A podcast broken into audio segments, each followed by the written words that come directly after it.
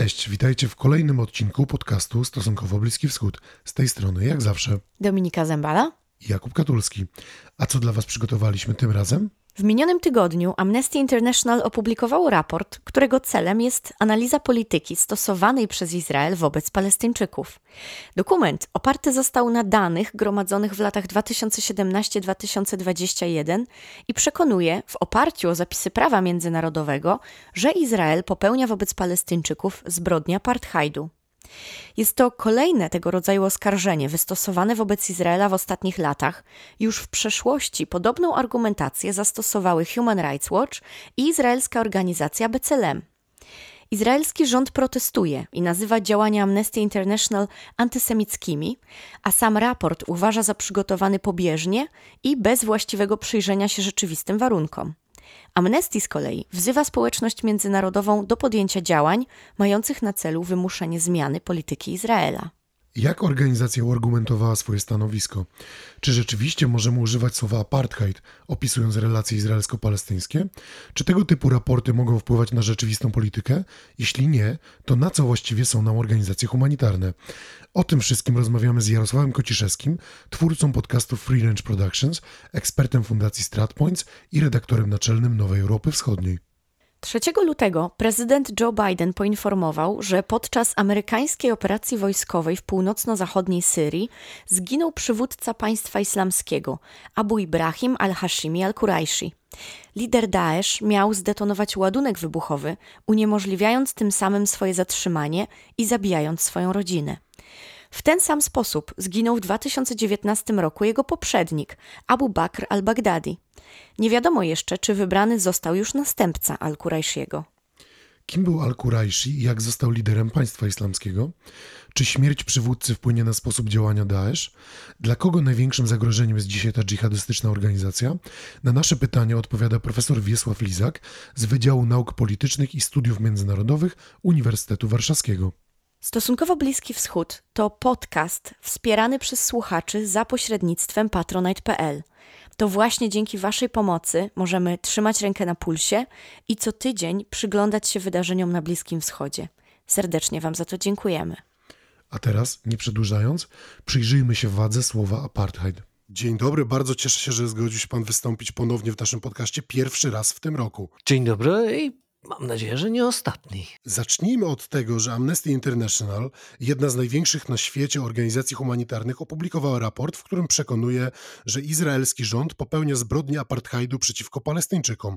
W tym raporcie opiera się na danych gromadzonych w ostatnich kilku latach, ale przekonuje, że od samego powstania Izraela, czyli od roku 1948, możemy mówić o działaniach mających na celu poprawę statusu ludności żydowskiej kosztem ludności arabskiej, czy też konkretnie w tym przypadku palestyńskiej. E, to słowem wprowadzenia do treści raportu, bo sam raport liczy aż 280 stron. Co jeszcze znajdziemy w tej publikacji? Gdyby tylko chodziło o poprawę warunków życia ludności żydowskiej, nie byłoby to aż tak bolesne dla Izraela. Raport jasno stwierdza, że e, Izraelczycy e, popełniają zbrodnie apartheidu, a więc siłą starają, dominują nad mniejszością, nad grupą e, etniczną e, i ją siłowo dyskryminują. I teraz Amnesty International podaje tutaj bardzo wiele różnych statystyk od liczby palestyńskich cywilów zabitych przez Izrael i to są setki ludzi, którzy według International E, Amnesty International zostali zabici bez powodu, nielegalnie. E, Amnesty International w dużej mierze także skupia się na kwestiach gospodarczych. I tu jest dosyć istotne rozróżnienie, bardzo zresztą ciekawe, które autorzy raportu robią, a mianowicie dzielą palestyńskie terytoria na trzy części.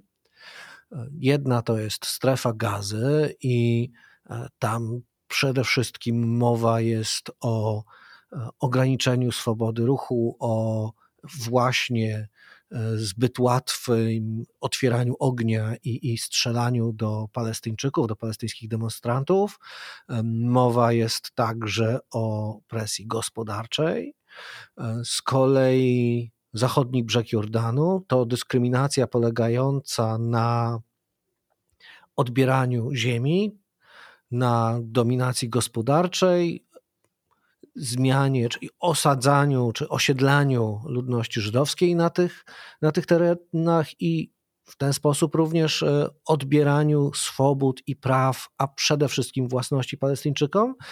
I rzecz, która moim zdaniem jest najciekawsza, bo bardzo rzadko w tym kontekście gdziekolwiek się pojawia, a mianowicie Arabowie, obywatele Izraela są również dołączeni do tego raportu i jest to ta trzecia grupa Palestyńczyków, e, która zdaniem autorów raportu jest w sposób systematyczny i e, przez wiele, wiele dekad wręcz represjonowana przez państwo Izrael. W szczególności podawane są tutaj przykłady Beduinów żydujących na pustyni Negev, w osiedlach czy w miejscowościach, których Izrael nigdy nie uznał i na skutek tego nie mają oni dostępu do mediów, do bieżącej wody, energii elektrycznej, a co więcej, te ich osiedla, osady, często wyglądające, szczerze mówiąc, jak, jak takie komórki blaszane, jak slamsy, e, są po prostu burzone przez Izraelczyków.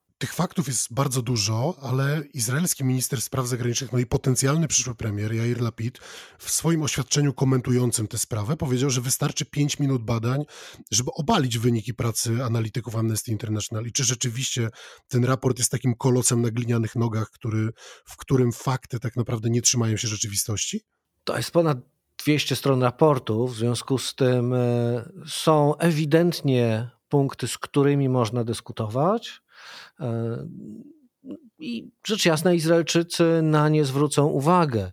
E, ja bym zaczął od tego, na czym skończyłem poprzednią część, a więc od obywateli e, Izraela, Arabów, ponieważ w ostatnich latach tutaj następuje ogromna zmiana, tak naprawdę w ciągu ostatniego roku. Po raz pierwszy w historii państwa Izrael Arabowie są częścią koalicji rządzącej. W związku z tym mają realny wpływ na, na to, co się dzieje w państwie. Co więcej, e, poprawę czy wyrównanie szans i warunków życia e, jest jednym z zadeklarowanych i realizowanych celów rządzącej koalicji. W związku z tym to w sposób dosyć jasny rzuca nieco inne światło na raport Amnesty International. E, I teraz, o ile fakty mówią same za siebie. To znaczy, tak, te osiedla beduńskie są burzone. Tak, w ostatnich tygodniach był kolejny bardzo poważny konflikt na pustyni Negev, ponieważ e, żydowskie organizacje, e, chociażby zalesiające pustynię, e, znowu sadziły drzewka w miejscach, które żyjący tam Beduini uważają za swoje.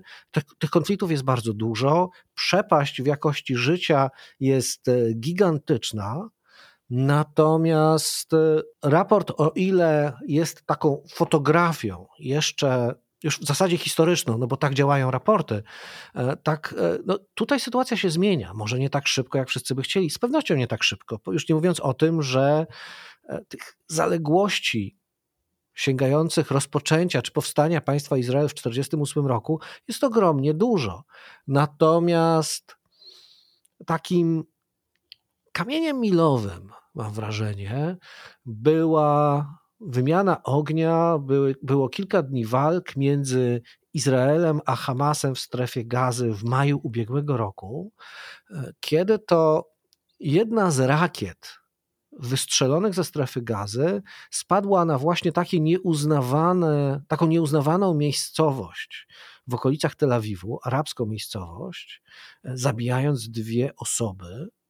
I w Izraelu, również w tym żydowskim Izraelu, wywołało to szok, bo nagle okazało się, że pod Tel Awiwem mieszkają Arabowie, obywatele państwa Izrael, e, którzy od dawna na przykład prosili o to, żeby w ich miejscowościach czy w ich miejscowości zbudować schron, po to, by w przypadku kolejnej rundy walk ludzie mieli gdzie się schronić. Natomiast władze lokalne odmówiły, ponieważ miejscowość jest nieuznawana. Już nie mówiąc o mediach, o dostępie do e, edukacji itd. tak itd. Tak e, to było naprawdę w Izraelu ogromnym wstrząsem i wywołało bardzo głośną dyskusję. W związku z tym te rzeczy będą się zmieniały. Natomiast oczywiście zajmą czas. E, I oczywiście historia Beduinów z pustyni Negev jest naprawdę dramatyczna, zwłaszcza, że są to ludzie, którzy bardzo często na przykład służą w izraelskiej armii. Są e, całe jednostki e, zwiadowców, ponieważ Beduini są, no, jak nikt inny, znają pustynię. W związku z tym do walki na pustyni, do zwiadu pustynnego nie ma lepszych kandydatów. I są też zresztą oficerowie beduińscy. Także to jest jedna część tej historii. E, tak samo Izraelczycy będą twierdzić, że zasady użycia broni nie wzięły się znikąd. E, I tu oczywiście również znajdą własne argumenty, tak? To znaczy, e, Amnesty International mówi o tym, że ginie nadmiernie dużo Palestyńczyków, ale odpowiedzią izraelskiej armii, izraelskiego rządu w takich sytuacjach jest stwierdzenie, no dobrze, ale naszym obowiązkiem jest ochrona naszych obywateli i dzięki naszemu zdecydowaniu ofiar na, z naszej strony jest niewiele, a przecież druga strona cały czas próbuje. I, i oczywiście, że próbuje. W związku z tym to samo zresztą dotyczy zachodniego brzegu Jordanu i, i, i muru, który został zbudowany, gdzie tak odbiera Palestyńczykom ziemię, tak jest przeszkodą dla rozwoju gospodarczego, e, jest jednostronny. Izraelczycy wykorzystują wyłącznie swoją siłę, by go utrzymać. Natomiast mają też argument, iż odkąd powstał, dramatycznie spadła liczba samobójczych zamachów wewnątrz Izraela. W związku z tym obie strony mają tutaj e, argumenty i mają coś e, do powiedzenia. A jak jest z samym wykorzystaniem słowa apartheid? Bo z jednej strony mamy konwencje międzynarodowe, ale Izraelczycy bronią się, że w samym kraju, e, w w Izraelu właściwym, tak zwanym, abstrahuję w tym momencie od zachodniego brzegu czy od y, mm, sytuacji w Jerozolimie Wschodniej, ale w samym Izraelu właściwym obowiązuje jedno prawo zarówno izraelskich, zarówno żydowskich obywateli Izraela, jak i arabskich obywateli Izraela tak? Więc czy my możemy rzeczywiście mówić tutaj o, o apartheidzie, czy jednak powinniśmy może wykorzystywać jakiś inny termin? To jest fantastyczne i chyba bardzo nie, nie tak naprawdę nierozwiązywalny e, problem dla prawników zajmujących się prawem międzynarodowym, ponieważ e, jeżeli spojrzymy na definicję państwa Izrael, i jest to, e, Izrael nie ma konstytucji, ma ustawy konstytucyjne, ustawy fundamentalne, hokej jest sod się nazywają. I ta taka ustawa numer jeden mówi, że Izrael jest państwem żydowskim. I teraz zdefiniowanie Izraela jako państwo żydowskie w zasadzie z definicji wyklucza wszystkich innych. I była cała masa również rozpraw sądowych, również dotyczących na przykład e, ocaleńców z Holokaustu, którzy zostali uratowani chociażby w Polsce w zakonach i zostali zakonnikami bądź e, księżmi. E, ostatnio zmarł ksiądz Pawłowski, który pracował przez wiele, wiele lat w Jaffie. W latach 60. był słynny, słynny proces wytoczony państwu przez ojca Daniela, który domagał się obywatelstwa izraelskiego, twierdząc, że jest Żydem chociaż był katolickim zakonnikiem. W związku z tym e, to jest jedna warstwa, znaczy pytanie nierozstrzygnięte do końca w Izraelu, kto jest Żydem, a więc kto ma pełnię praw. I teraz, co się dzieje z obywatelami państwa, którzy w ogóle Żydami nie są, nie czują się nie tylko ze względów religijnych, ale także ze względów etnicznych. I tutaj mówimy o Arabach, e, obywatelach państwa Izrael. Oni coraz częściej służą w izraelskiej armii. Młodzi ludzie coraz częściej identyfikują się z flagą, z gwiazdą Dawida. Jeżeli porozmawiamy z Arabami z innych krajów arabskich, e, to łatwo jest usłyszeć takie twierdzenie, że właśnie ci Arabowie z Izraela, a czasem wręcz Palestyńczycy z terytoriów okupowanych, są podobniejsi do Izraelczyków niż do innych Arabów. No, swoim zachowaniem, podejściem do życia itd. Tak itd. Tak e, w związku z tym, e, i teraz jeżeli z definicji państwo Izrael nie jest ich państwem, tylko jest państwem żydowskim, po czym do tego dochodzą jeszcze e, rozmaite ustawy dodatkowe, no to możemy mówić o dyskryminacji. Z kolei Izraelczycy, izraelscy prawnicy będą twierdzili, że tak nie jest, bo przecież Arabowie mają prawo wyborcze, e, z którego bardzo skutecznie w ostatnich wyborach e, skorzystali. I znowu, ja bym wrócił do tego, że to nie jest czarno-białe i jest to proces. W związku z tym e, e, ja myślę, że rozciąganie definicji apartheidu e, na to, co dzieje się wewnątrz Izraela, daje w tym wypadku Izraelowi najłatwiejszą ścieżkę obrony. Bo wystarczy, że Izraelczycy powiedzą tak, rzeczywiście są, istnieje dyskryminacja, istnieje nierówność, ale my przecież włączyliśmy obywateli do rządu i pracujemy nad tym, natomiast to zajmuje czas. W tym przypadku sprawa zdaje się jasna, ale w jaki sposób izraelscy prawnicy bronią się e, w kwestii oskarżeń o mm, popełnianie zbrodni apartheidu na zachodnim brzegu i w Jerozolimie Wschodniej, no bo de facto w, na tych obszarach mamy obowiązujące dwa osobne porządki prawne. Jest oso, o, osobny porządek prawny obowiązujący Palestyńczyków na zachodnim brzegu no i mieszkających tam w osiedlach Izraelczyków. To jest jedna rzecz, a do tego wszystkiego mamy jeszcze porozumienia z Oslo, które dzielą chociażby zachodni brzeg Jordanu na trzy główne strefy które w różnym stopniu podlegają izraelskiej i palestyńskiej kontroli, a jest od tego wszystkiego jeszcze jest kolejny wyjątek, którym jest Hebron i do obszarów e, A, B i C na zachodnim brzegu dochodzi jeszcze H1 i H2 w Hebronie. Tych jeszcze do tego dodajmy wschodnią Jerozolimę, którą Izrael anektował i uważa za swoją, a Palestyńczycy absolutnie się na to nie godzą i tak dalej, i tak dalej. To znaczy ten porządek prawny jest szalenie skomplikowany. Z kolei rzeczywiście Palestyńczycy z zachodniego brzegu Jordanu podlegają izraelskiemu sądownictwu wojskowemu. Osadnicy żydowscy, mieszkający czasem kilkaset metrów od nich, podlegają izraelskiemu sądownictwu cywilnemu. Do tego wszystkiego armia jest jeszcze niesłychanie łagodna wobec nich, no bo są swoi, jakby nie patrzeć. E, Jerozolima kolejne zamieszanie, bo z kolei tam z jednej strony częściowo są to obywatele Izraela, ale niekoniecznie, a do tego wszystkiego jeszcze bardzo łatwo Palestyńczyk, który żyje we wschodniej Jerozolimie, może w ogóle stracić prawo pobytu i mieszkania w tym miejscu. W związku z tym to, to jest absolutny węzeł gordyjski, e, bo jeszcze na to dochodzą też e, kwestie porozumień międzynarodowych. Możemy się cofać aż tak naprawdę do e, ustawodawstwa otomańskiego, bo w tych wszystkich dyskusjach jeszcze to też się pojawia, jeżeli chodzi o prawo do ziemi, prawo do nieruchomości. W międzyczasie w Jerozolimie jeszcze był przez chwilę porządek jordański, porządek prawny.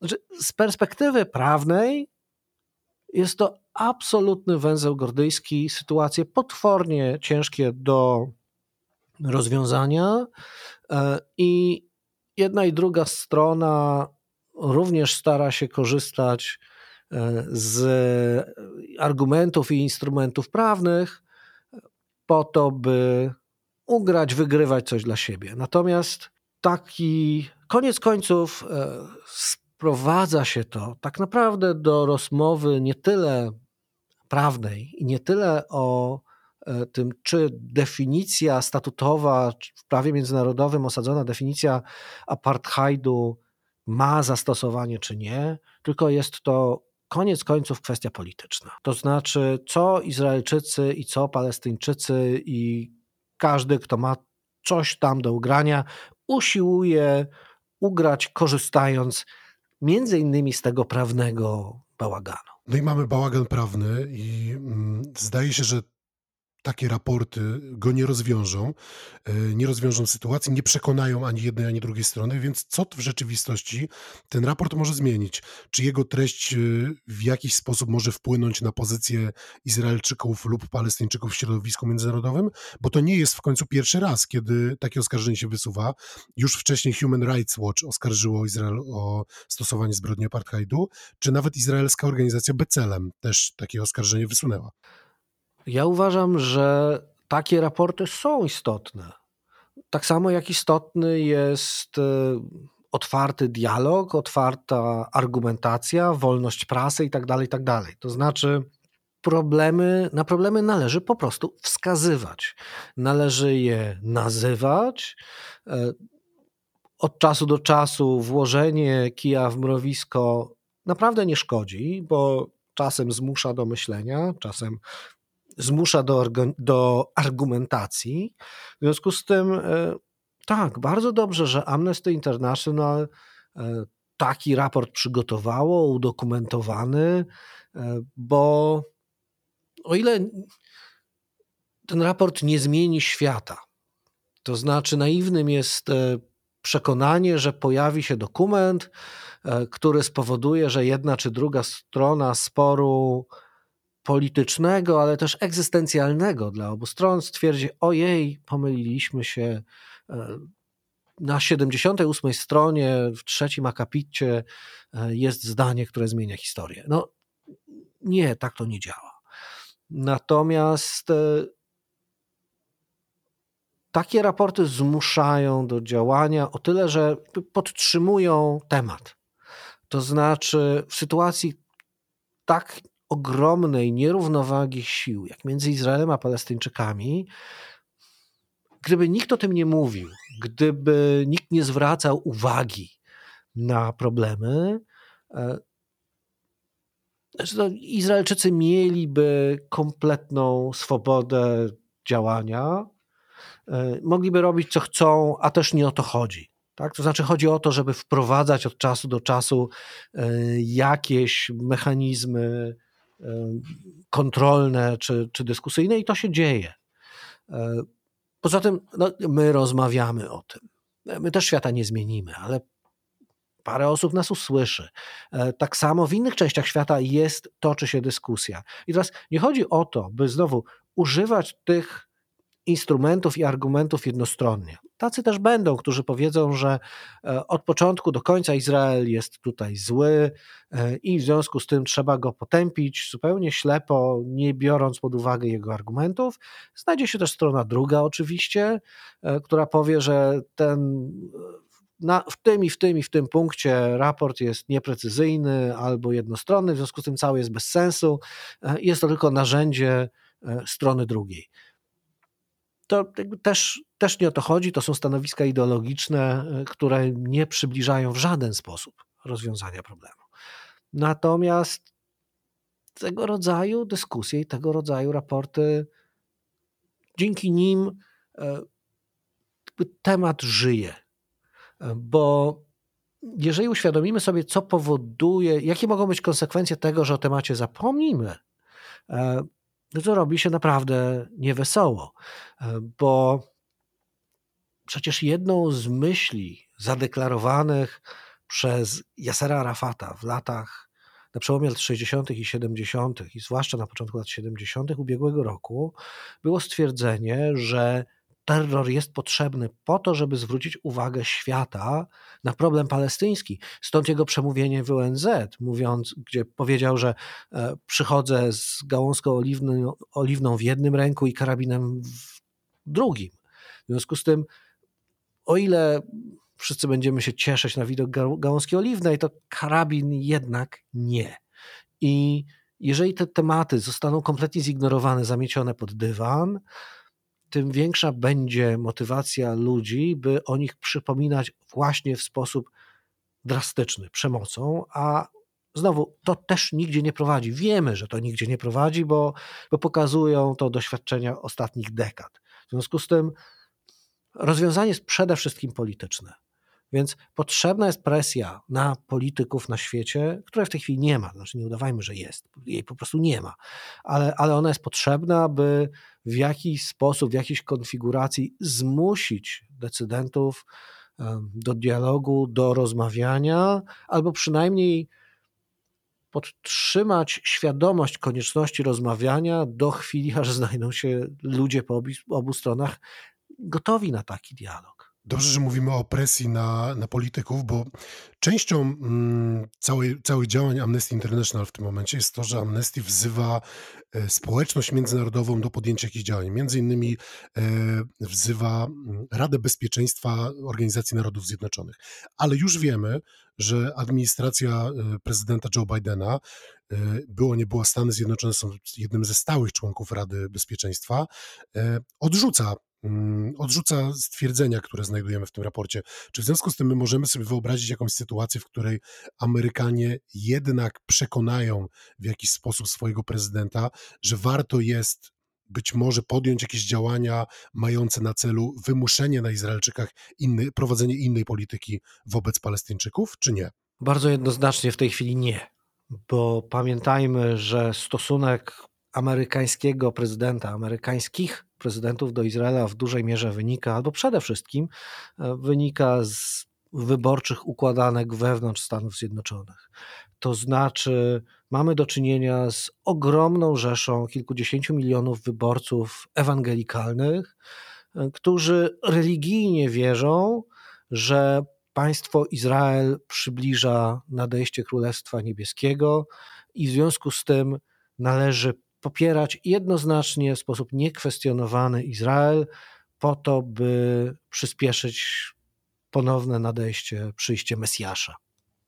Z perspektywy europejskiej czy naszej może to brzmieć dziwnie, natomiast jest to e, argument, jest to argumentacja, którym, którą posługuje się naprawdę ogromna grupa amerykańskich wyborców. I teraz kandydaci na prezydentów i prezydenci, którzy myślą o elekcji bądź reelekcji, muszą to brać pod uwagę. I, i stąd to ewangelikalne lobby jest najsilniejszym lobby proizraelskim w Stanach Zjednoczonych, bo wcale nie lobby żydowskie, które zresztą w dużej mierze jest tradycyjnie demokratyczne, a więc e, popiera jedną stronę sceny politycznej w Stanach Zjednoczonych i w ciągu ostatnich lat jest niesłychanie, czy było niesłychanie krytyczne w stosunku do rządów e, Izraela. W związku z tym, ja zgadując, e, spodziewałbym się większego uznania i większej akceptacji dla, dla stwierdzeń Amnesty International wśród amerykańskich Żydów niż wśród wyborców e, ewangelikalnych. W związku z tym nie Stany Zjednoczone absolutnie swojego stanowiska nie zmienią, zwłaszcza, że nie mają powodu. To znaczy, sytuacja Palestyńczyków w tej chwili polityczna jest bardzo zła. Palestyńczycy sami są wewnętrznie podzieleni, nie mają jasnej wizji przyszłości, e, mają bardzo słabe przywództwo e, i sami przede wszystkim muszą w jakiś sposób się przedefiniować, żeby można było mówić o sensownym dialogu. Innymi słowy, no, nikt Palestyńczyków przed nimi samymi w tej chwili nie uratuje. Sami muszą zrobić ze sobą porządek. Natomiast e, zawsze istnieje szansa, że z jakiegoś trzęsienia ziemi politycznego e, wyłoni się coś, co umożliwi krok do przodu. To znaczy, no, w końcu ten pierwszy nieudany proces pokojowy z Oslo e, był skutkiem końca zimnej wojny i pierwszej wojny w Zatoce, kiedy e, polityka globalna zatrząsła się, zatrzęsła się w posadach e, i zrobiła się, powstała przestrzeń dla zmian. Mm, również po szoku, jakim była wojna Jom Kippur 73 roku, a potem straty y, wojny wyniszczającej do 77, skutkiem tego było to, że prezydent Sadat y, z Egiptu stwierdził, że poleci do Jerozolimy i zawrze pokój z Izraelem, mimo tego, że kilka lat wcześniej publicznie głosił gotowość poświęcenia życia miliona egipskich żołnierzy w celu odzyskania Półwyspu Synaj. W związku z tym zawsze jest gdzieś jakaś nadzieja, nawet jeżeli ona jest tak nikła, że wynika po prostu z wątpliwości i, i nietrwałości obecnego stanu. Natomiast e, no, stąd warto, e, warto te problemy poruszać, warto o nich mówić. Już nie mówiąc o tym, że również punktowo one gdzieś tam mogą mieć wpływ e, na życie ludzi, po prostu w skali mikro. To znaczy, jeżeli z tej krytyki wyniknie analiza wewnątrz izraelskiej armii, która poskutkuje zmianą warunków czy procedury otwarcia ognia, która i to komuś uratuje życie, no to już było warto. Tak? To znaczy, to jest taki wymiar, którego e, nigdy nie poznamy, bo, bo nikt się do tego nie przyzna i, i, i to jest niewymierne, ale, ale takie skutki również mogą mieć miejsce. Jeżeli gdzieś jakiś prawnik e, wykorzysta ten argument albo i zainspiruje się nim, żeby wygrać gdzieś jakąś sprawę, e, no to już też czyjeś życie się zmieni. Ja pamiętam przykład e, takiej miejscowości, wioski palestyńskiej na zachodnim brzegu Jordanu, e, na obrzeżach izraelskiego poligonu, która była przez Izrael nieuznawana, w związku z tym regularnie wyburzana, mimo tego, że powstała w latach 40. I teraz znalazł się prawnik, który znalazł po prostu patent. Rzecz wydawałaby się drobna, e, bo gdzieś tam na wzgórzach znalazł jakieś rośliny, znalazł jakiś argument z obszaru ochrony środowiska, który pozwolił stworzyć tam nieduży rezerwat e, w oparciu o izraelskie prawo. E, I korzystając z pomocy izraelskich adwokatów, użył po prostu izraelskich procedur dla zarejestrowania tej miejscowości, zarejestrowania e, tego rezerwatu i w ten sposób życie kilkunastu rodzin, rzecz niewielka na, na skalę międzynarodową, ale kilkanaście rodzin przestało bać się tego, że pewnego dnia znowu przyjadą buldożery i zrównają domy z ziemią, e, czyli mogą normalnie żyć. W związku z tym dyskusje, argumenty, no, również czasem mają zastosowanie do, do tak drobnych rzeczy. W związku z tym no, dobrze, że te dyskusje się toczą. I tutaj postawmy kropkę. Pozostaje nam tylko obserwować i mm, obserwować, czy jako, jakieś precedencje się pojawią związane z tym wydarzeniem. Bardzo dziękuję za komentarz i za rozmowę. Dziękuję bardzo.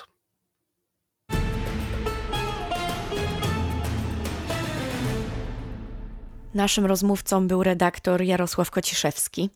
A zanim przejdziemy do drugiej rozmowy tego odcinka, jeszcze sprawa bardzo ważna. Takie rozmowy jak ta nie mogłyby się odbyć, gdyby nie wsparcie naszych wspaniałych patronek i patronów z patronite.pl. Bo to dzięki Wam możemy realizować cały projekt Stosunkowo Bliski Wschód od podcastu po wielbłąda prasowego, który odbywa się co wtorek o 18. Jeżeli jeszcze nigdy nie byliście na Wielbłądzie, serdecznie Was zapraszamy do uczestnictwa. Zapraszamy Was oczywiście także do zaglądania na naszą stronę internetową www.stosunkowobliskiwschód.pl. To w końcu od niej wszystko się zaczęło i tam również znajdziecie wiele bardzo ciekawych, mamy nadzieję, dla Was treści. A za wsparcie z serca dziękujemy. A tym z Was, którzy być może jeszcze się zastanawiają nad tym wsparciem, zachęcamy e, do zajrzenia na stronę patronite.pl, wyszukania profilu stosunkowo Bliski Wschód e, i tam już e, sprawa jest bardzo prosta. Każda wpłata ma dla nas wielkie znaczenie i każda złotówka się liczy. Dzięki temu cały nasz projekt jest finansowany przez Was, bez reklam i za darmo. Dzięki temu możecie też usłyszeć naszą następną rozmowę z profesorem Wiesławem Lizakiem. Dzień dobry, panie profesorze. Bardzo dziękujemy, że zgodził się pan ponownie wystąpić w naszym podcaście. Dzień dobry, ja również dziękuję za zaproszenie. 2 lutego amerykański prezydent Joe Biden potwierdził, że Amerykanom udało się doprowadzić do śmierci przywódcy państwa islamskiego Abu Ibrahima al-Hashimi al-Quraishi.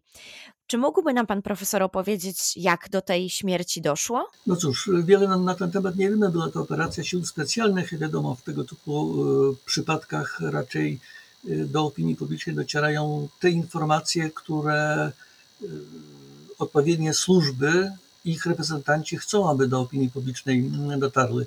Na pewno ta operacja była przygotowywana od kilku tygodni. Służby specjalne po prostu były w stanie namierzyć pana Al-Kurajsiego, jego miejsce pobytu.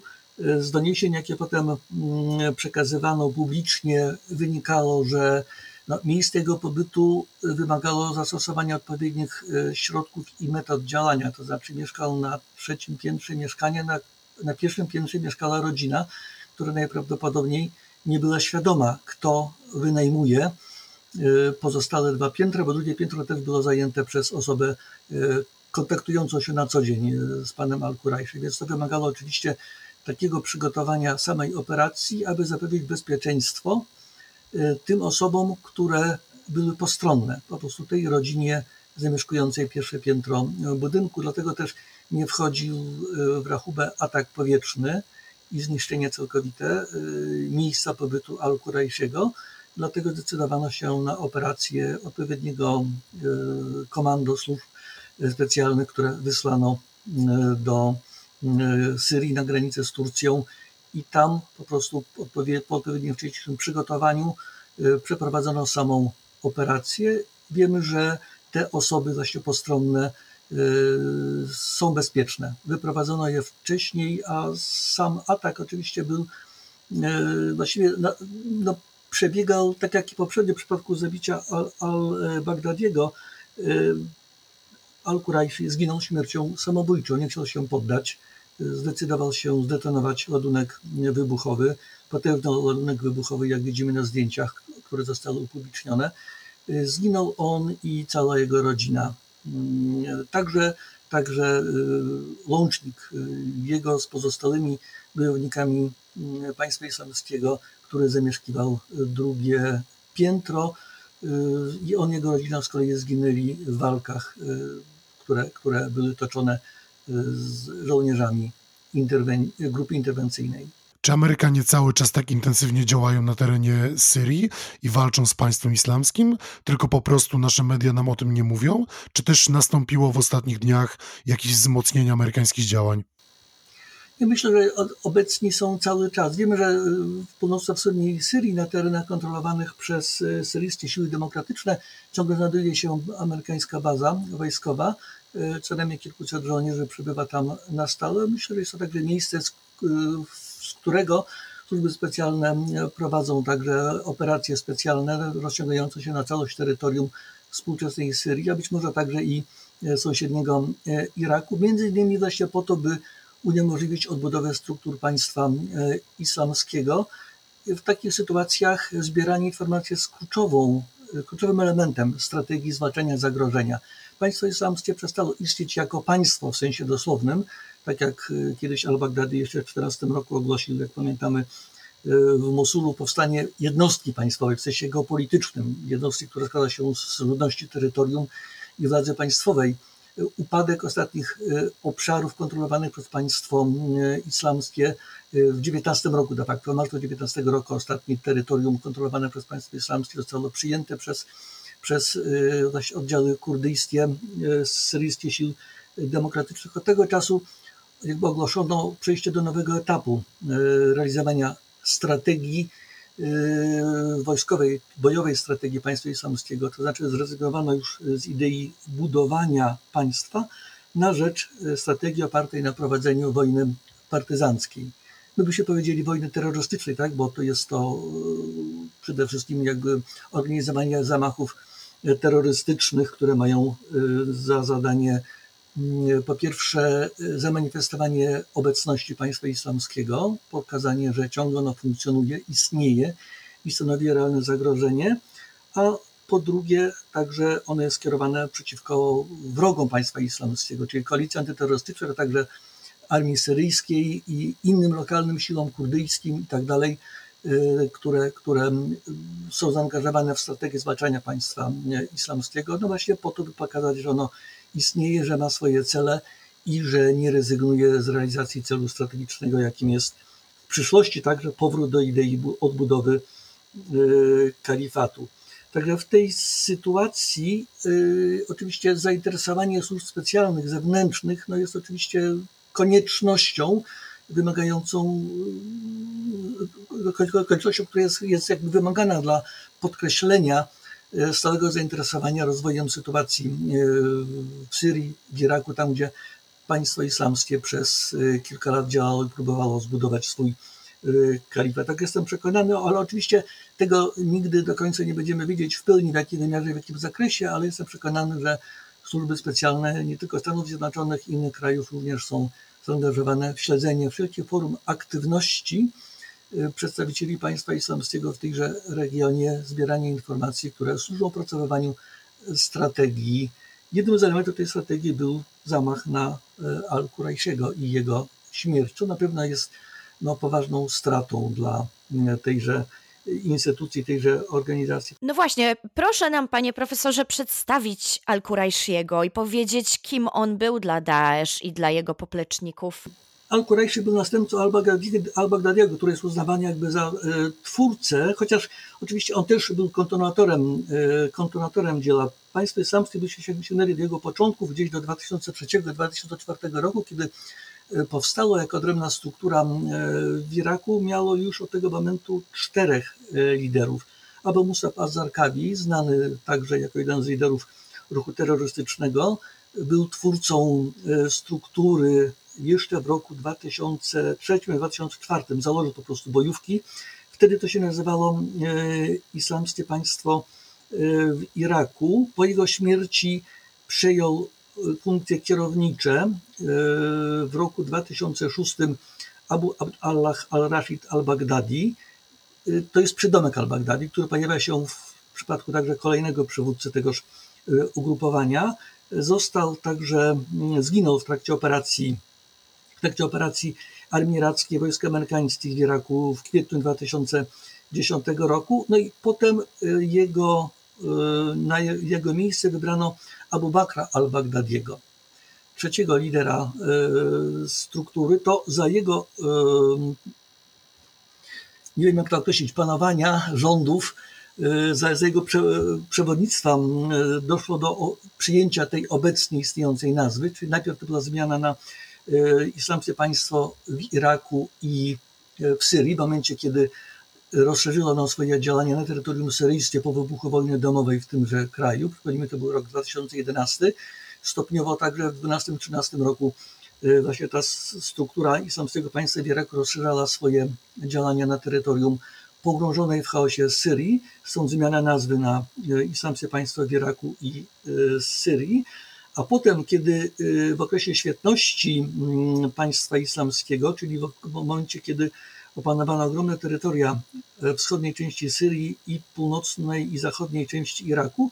Właśnie 29 czerwca 2014 roku Abu Bakr al-Baghdadi ogłosił na tych ziemiach powstanie e, państwa, e, państwa islamskiego, już bez przydomków, co oznaczało oczywiście oznaczało e, no, roszczenia do uniwersalizmu, tak? Stąd potem wezwania do wszystkich muzułmanów na świecie, aby włączyli się, włączyli się w proces odbudowy kalifatu tym znaczeniu historycznym tego pojęcia, jako jednolitej władzy dla wszystkich muzułmanów, która będzie realizacją no, tej pierwotnej idei ummy, wspólnoty wszystkich wiernych, yy, przynależnych do tejże, do tejże religii, pod jednym kierownictwem właśnie odbudowanego yy, kalifatu. Sam al-Baghdadi mianował się kalifem Ibrahimem.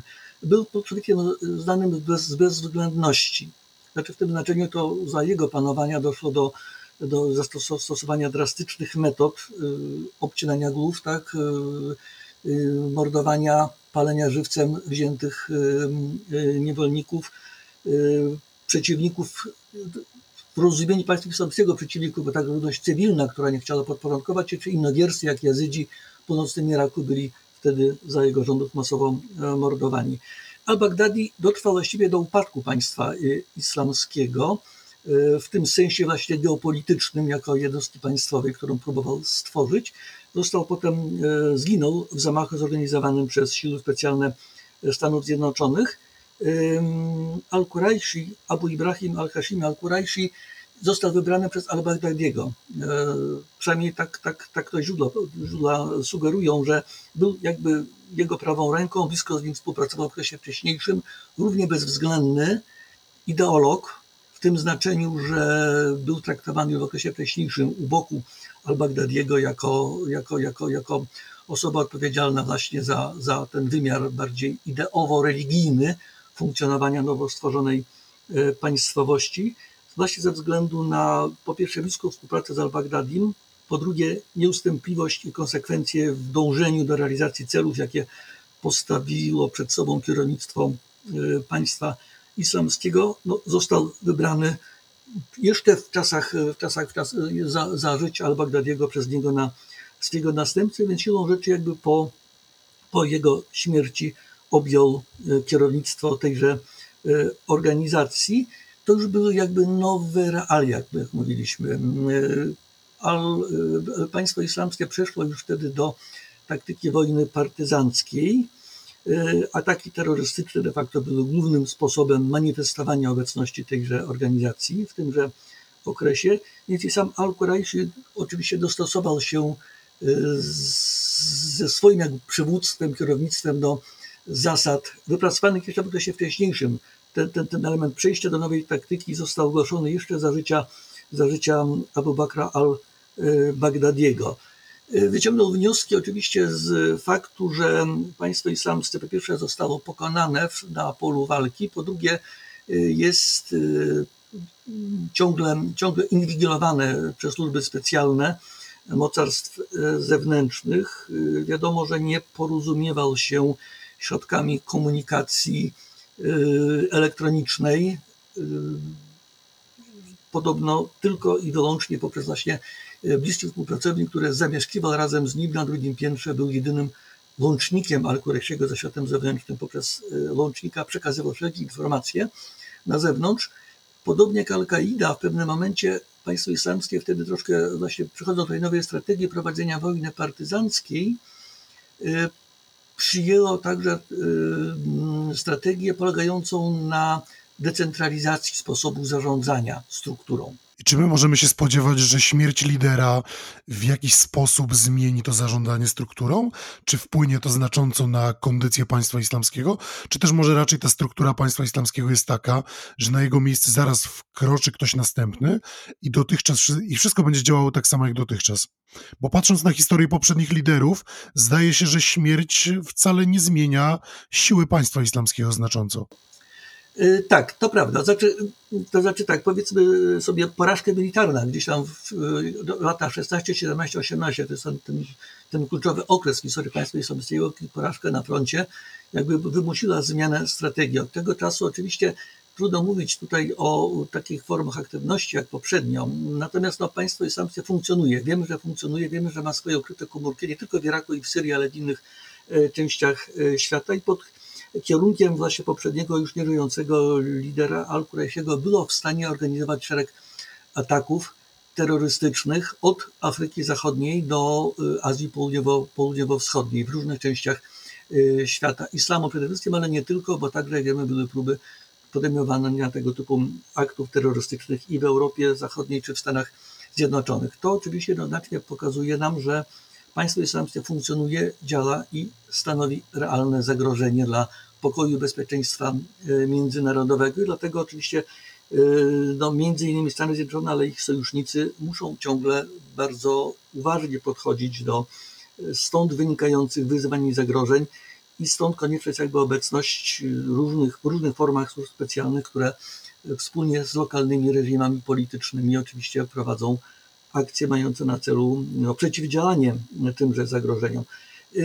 Na pewno pojawi się niedługo nowy przywódca, Yy, nie jestem w stanie oczywiście powiedzieć, czy już, czy już on się pojawił, czy został przygotowany w odpowiednim momencie, tak jak wcześniej Al-Quraishi zostawił w sposób naturalny Bagdadiego, czy jakaś osoba została przygotowana do podejmowania tego typu właśnie, podjęcia tego typu roli, ale myślę, że prawdopodobnie gdzieś w najbliższym czasie pojawi się tego typu informacja. Ona no przede wszystkim będzie yy, pokazywać, że państwo islamskie działa państwo islamskie jest aktywne, że państwo islamskie nie rezygnuje z realizacji swoich celów e, strategicznych. Z tego względu oczywiście konieczne jest zachowanie pewnej ciągłości instytucjonalno-organizacyjnej e, tejże e, struktury. Natomiast jak mówię, kto to będzie, trudno powiedzieć, natomiast raczej nie sądzę, by zmieniła się taktyka taktyka i strategia działań pozostanie ta sama, w tym sensie, że strategią jest oczywiście odzyskanie wpływów i, i kontroli społeczności arabskich po to, by przejść ponownie do taktyki związanej z budowaniem kalifatu, tak jak to kiedyś określono na początku funkcjonowania tejże organizacji. Natomiast sposobem realizacji tego celu będzie aktywność terrorystyczna. Tutaj, jak wiemy, w ciągu ubiegłego roku mieliśmy parę przykładów tego typu ataków terrorystycznych, choćby w Afganistanie. No i myślę, że i w następnych latach państwo islamskie będzie musiało pokazać, że istnieje, że działa, że jest aktywne. Jeśli nie będzie tego typu aktów, no to będzie to oznaczało, że rzeczywiście y, struktury na tyle osłabły, że państwo islamskie nie jest w stanie podjąć efektywnych działań w tej chwili na polu walki, a liderzy tego państwa islamskiego będą próbowali oczywiście e, zamanifestować swoją wyczuć, by uniknąć tego typu wyrażenia, bo tego zależy ich przetrwanie, napływ kolejnych bojowników. No właśnie.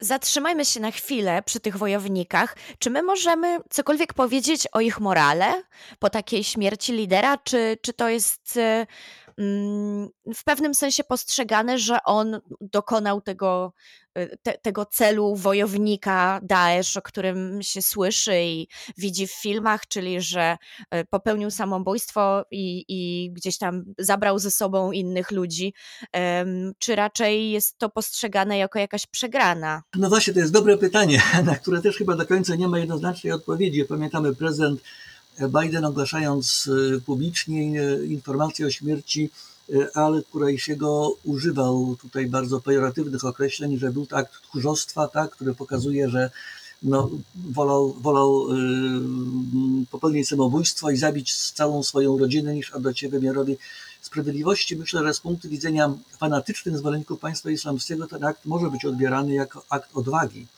jako akt właśnie samobójcza śmierci, jako akt wierności do końca, tak? Nie, nie poddajemy się, nawet w sytuacji zagrożenia jesteśmy w stanie poświęcić życie.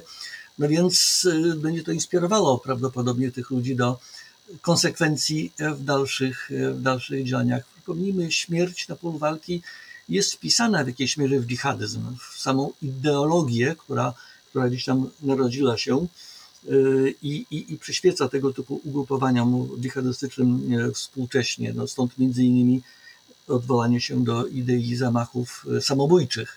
Również przy wykonaniu państwa islamskiego wiele razy miały miejsce tego typu akty e, terrorystyczne.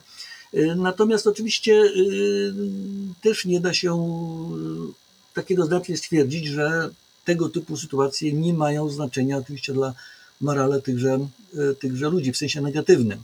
Wiadomo, sukces de facto w tymże wypadku koalicji antyterrorystycznej, sukces Stanów Zjednoczonych, no na pewno przynajmniej wśród y, niektórych młodych ludzi, którzy by chcieli włączyć się, czy już są w strukturach państwa islamskiego, na pewno doprowadzi do pewnych przewartościowań, przemyśleń, czy warto, czy jest to właściwa droga działania mm, w przyszłości. Y, no, zwłaszcza jeśli, no myślę, jednym z elementów działania y, przedstawicieli koalicji antyterrorystycznej jest przekonanie bojowników państwa islamskiego, że aktywność terrorystyczna, czytaj zbrodnicza, zostanie ukarana. Wcześniej czy później akt sprawiedliwości dosięgnie tych, którzy angażują się w tego typu działalność. Między innymi dlatego to w sposób dosyć widowiskowy są organizowane tego typu zamachy na głównych przywódców państwa islamskiego, by innym uświadomić konsekwencje tego e, zaangażowania. Jest jeszcze jeden aspekt, na który musimy zwrócić uwagę. Pan profesor już zauważył, że e, państwo islamskie jak najbardziej jest aktywne i dokonuje różnych działań terrorystycznych, a w ostatnich dniach mogliśmy obserwować szturm na więzienie w kontrolowanej przez syryjskie siły demokratyczne Hasace. Po kilku dniach atak został stłumiony i kontrolę nad więzieniem odzyskali Kurdowie, ale był taki moment, kiedy państwo islamskie miało nawet uzyskać całkowicie kontrolę nad tym więzieniem.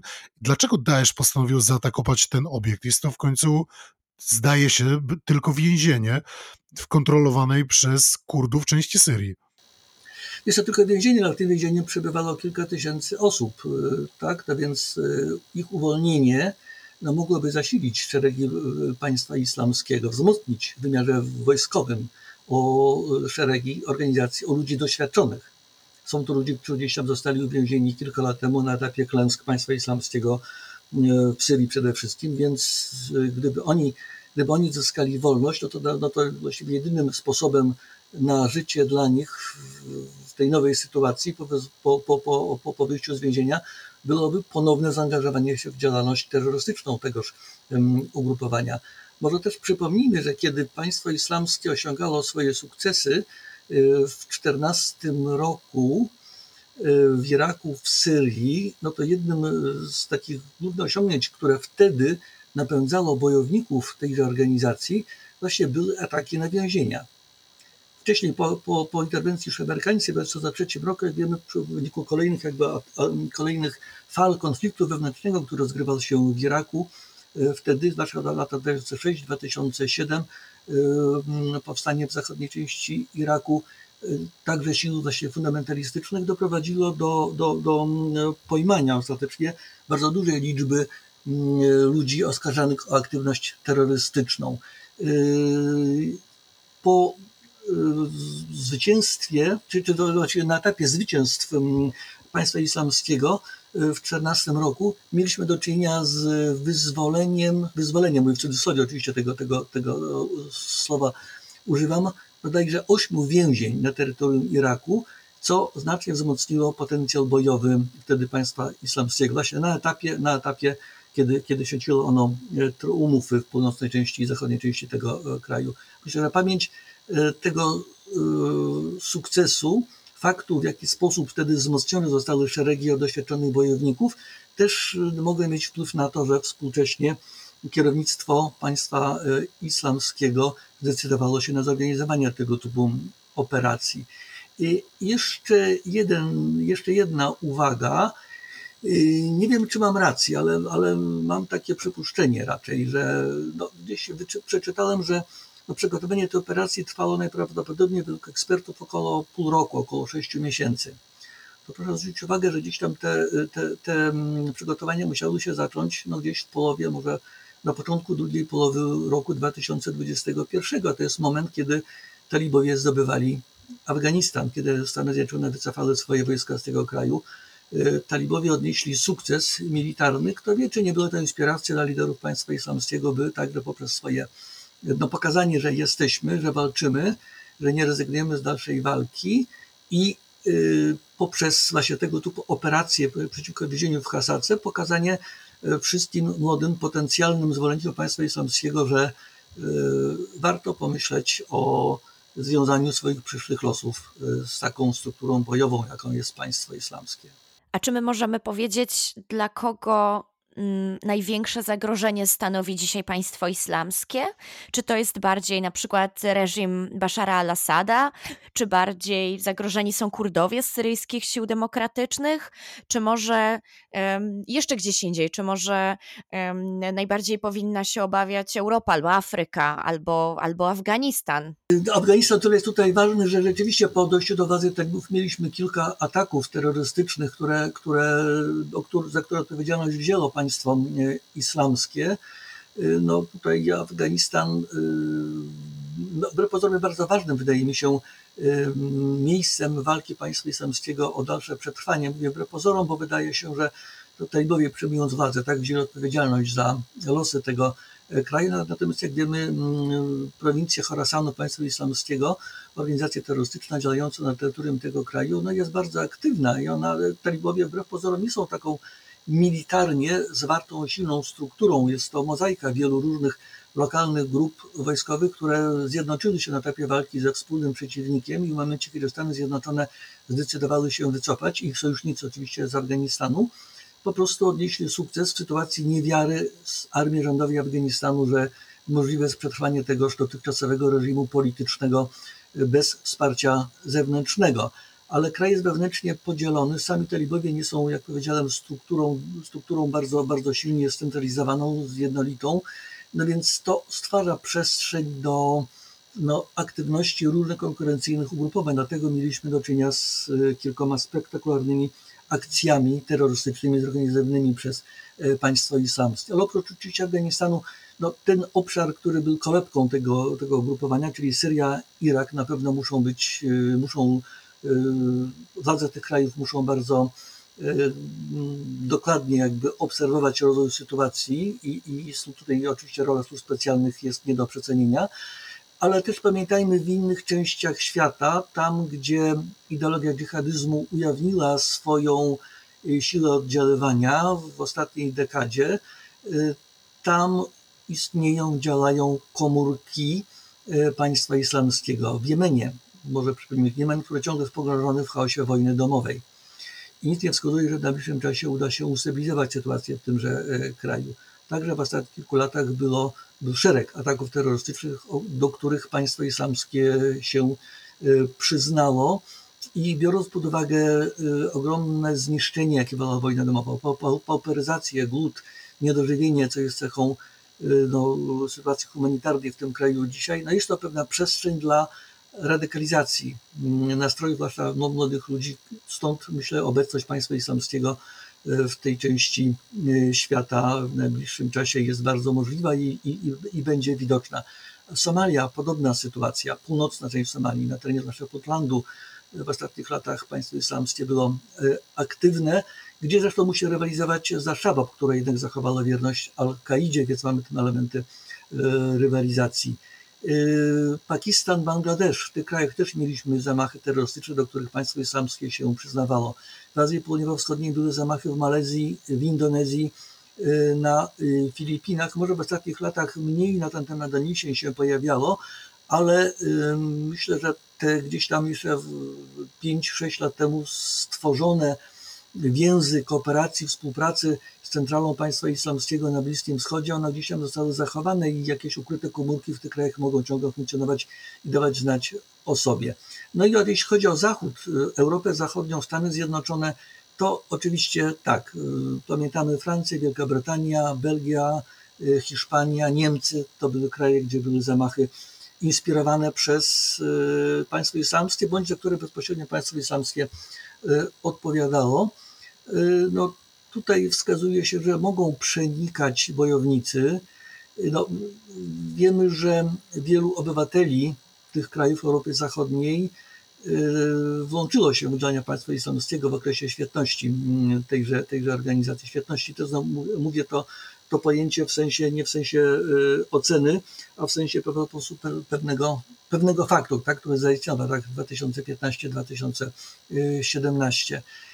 Ci ludzie wracają, więc mogą jakby przynieść ze sobą pewne nowe idee, nowe pomysły, w jaki sposób kontynuować cele, które, które, które, które wcześniej państwo islamskie w wymiarze ideologicznym jakby nakreśliło przed tymi ludźmi. To mogą być świadomie przenikający bojownicy do krajów Europy Zachodniej, czy Stanów Zjednoczonych, czy Kanady, czy Australii. To mogą być także ludzie, tak zwane samotne wilki, ludzie, których inspiruje idea dżihadyzmu, którzy nigdy nie byli na Bliskim Wschodzie, ale którzy poprzez środki masowego komunikowania byli w stanie zapoznać się i no, zinternalizować treści właściwie państwu islamskiemu. Myślę, że Afryka, o, o Afryce musimy pamiętać. We wszystkich krajach Afryki Północnej, od Maroka do Egiptu, były komórki państwa islamskiego, mniej lub bardziej aktywne. W największym wymiarze to była Libia, choć w 16-17 roku zarówno siły związane z rządem jedności narodowej, jak i siły związane z generałem Khalifą Haftarem wystąpiły przeciwko nim, doprowadzając także do, do, do, do przejęcia kontroli nad terytoriami, które wcześniej w okolicach Derny czy Syrty państwo islamskie opanowało. Ale te siły, oczywiście państwa islamskiego, biorąc pod uwagę, biorąc pod uwagę geografię regionu, no gdzieś tam przetrwały południe tych krajów to jest przecież Sahara, miejsce, które trudne jest do kontroli. Sahara pustynna, Sahara, gdzie znajdują się góry, gdzie znajdują się jaskinie, gdzie łatwo przetrwać komórkom organizacji dżihadystycznych. One mogą przenikać także dalej na południe do Afryki subsaharyjskiej. W Nigerii były także przecież zamachy terrorystyczne, w północno-wschodniej Nigerii.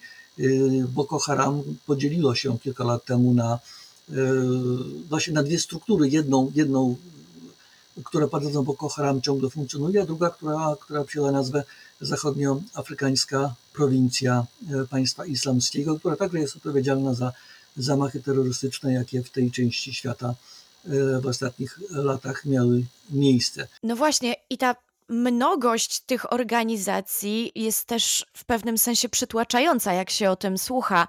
E, wspomniał pan profesor przecież i Boko Haram, i Al-Shabaab, e, Al-Kaidę, państwo islamskie. Czy takie miejsca, gdzie te organizacje działają równolegle, czy mm, to może być jakąś szansą, może to jest za duże słowo, ale czy e, one będą, jest szansa, że one mogą zwalczać też siebie nawzajem, co może w ostatecznym rozrachunku um, pomagać koalicji antyterrorystycznej, czy po prostu um, władzom narodowym, czy to jest jeszcze gorsze zagrożenie tak naprawdę? Y, no wiem, że te organizacje są skłócone, zwłaszcza Al-Kaida, która przez szereg lat była jakby symbolem tak najbardziej aktywnej organizacji dżihadystycznej, nagle nagle znalazła się w konflikcie z państwem islamskim od 13-14 roku na terenie Syrii. Dochodziło przecież do regularnych walk pomiędzy Jabhat al-Nusra z jednej strony, organizacji lokalnej komórki Al-Kaidy, a y, państwem islamskim, które tam e, działało i myślę, że, mm, że tego typu y, akty wrogości przetrwały do dnia dzisiejszego, oprócz tego, że to była kwestia programowo, pro, programowo strategiczna co do celów działania obu ugrupowań, no to na to nałożyły się potem również e, personalne animozje, które bardzo mocno wpłynęły na zdolność do ewentualnego wspólnego działania. Tak trudno je będzie dzisiaj pokonać. E, w wielu regionach świata mamy do czynienia jakby z rywalizacją tychże ugrupowań. I w Somalii to wystąpiło, i w Afryce Zachodniej, i w Algierii, w Jemenie także, gdzie są komórki Al-Kaidy, Półwyspu Arabskiego z jednej strony i państwa, e, państwa islamskiego z drugiej strony. To znaczy z punktu widzenia państw, rządów, które są zagrożone aktywnością, to ma jakby podwójny wymiar, bo z jednej strony oczywiście e, trudniej kontrolować e, sytuację, kiedy istnieje wiele ugrupowań wrogich, antyrządowych, dżihadystycznych, nawet jeśli one są sobie, e, są sobie wrogie, no bo to wymaga większego nakładu siły i środków, większego zaangażowania służb specjalnych, a z drugiej strony ułatwia sytuację w tym znaczeniu, że jeśli te ugrupowania są zwaśnione ze sobą, no to ich e, potencjał e, prawdopodobnie jest słabszy niż gdyby występowały jako, jako, jednolity, jedno, jako jednolity front. Panie profesorze, bardzo dziękujemy za komentarz i za rozmowę i mamy nadzieję do usłyszenia w przyszłości. Dziękuję bardzo również.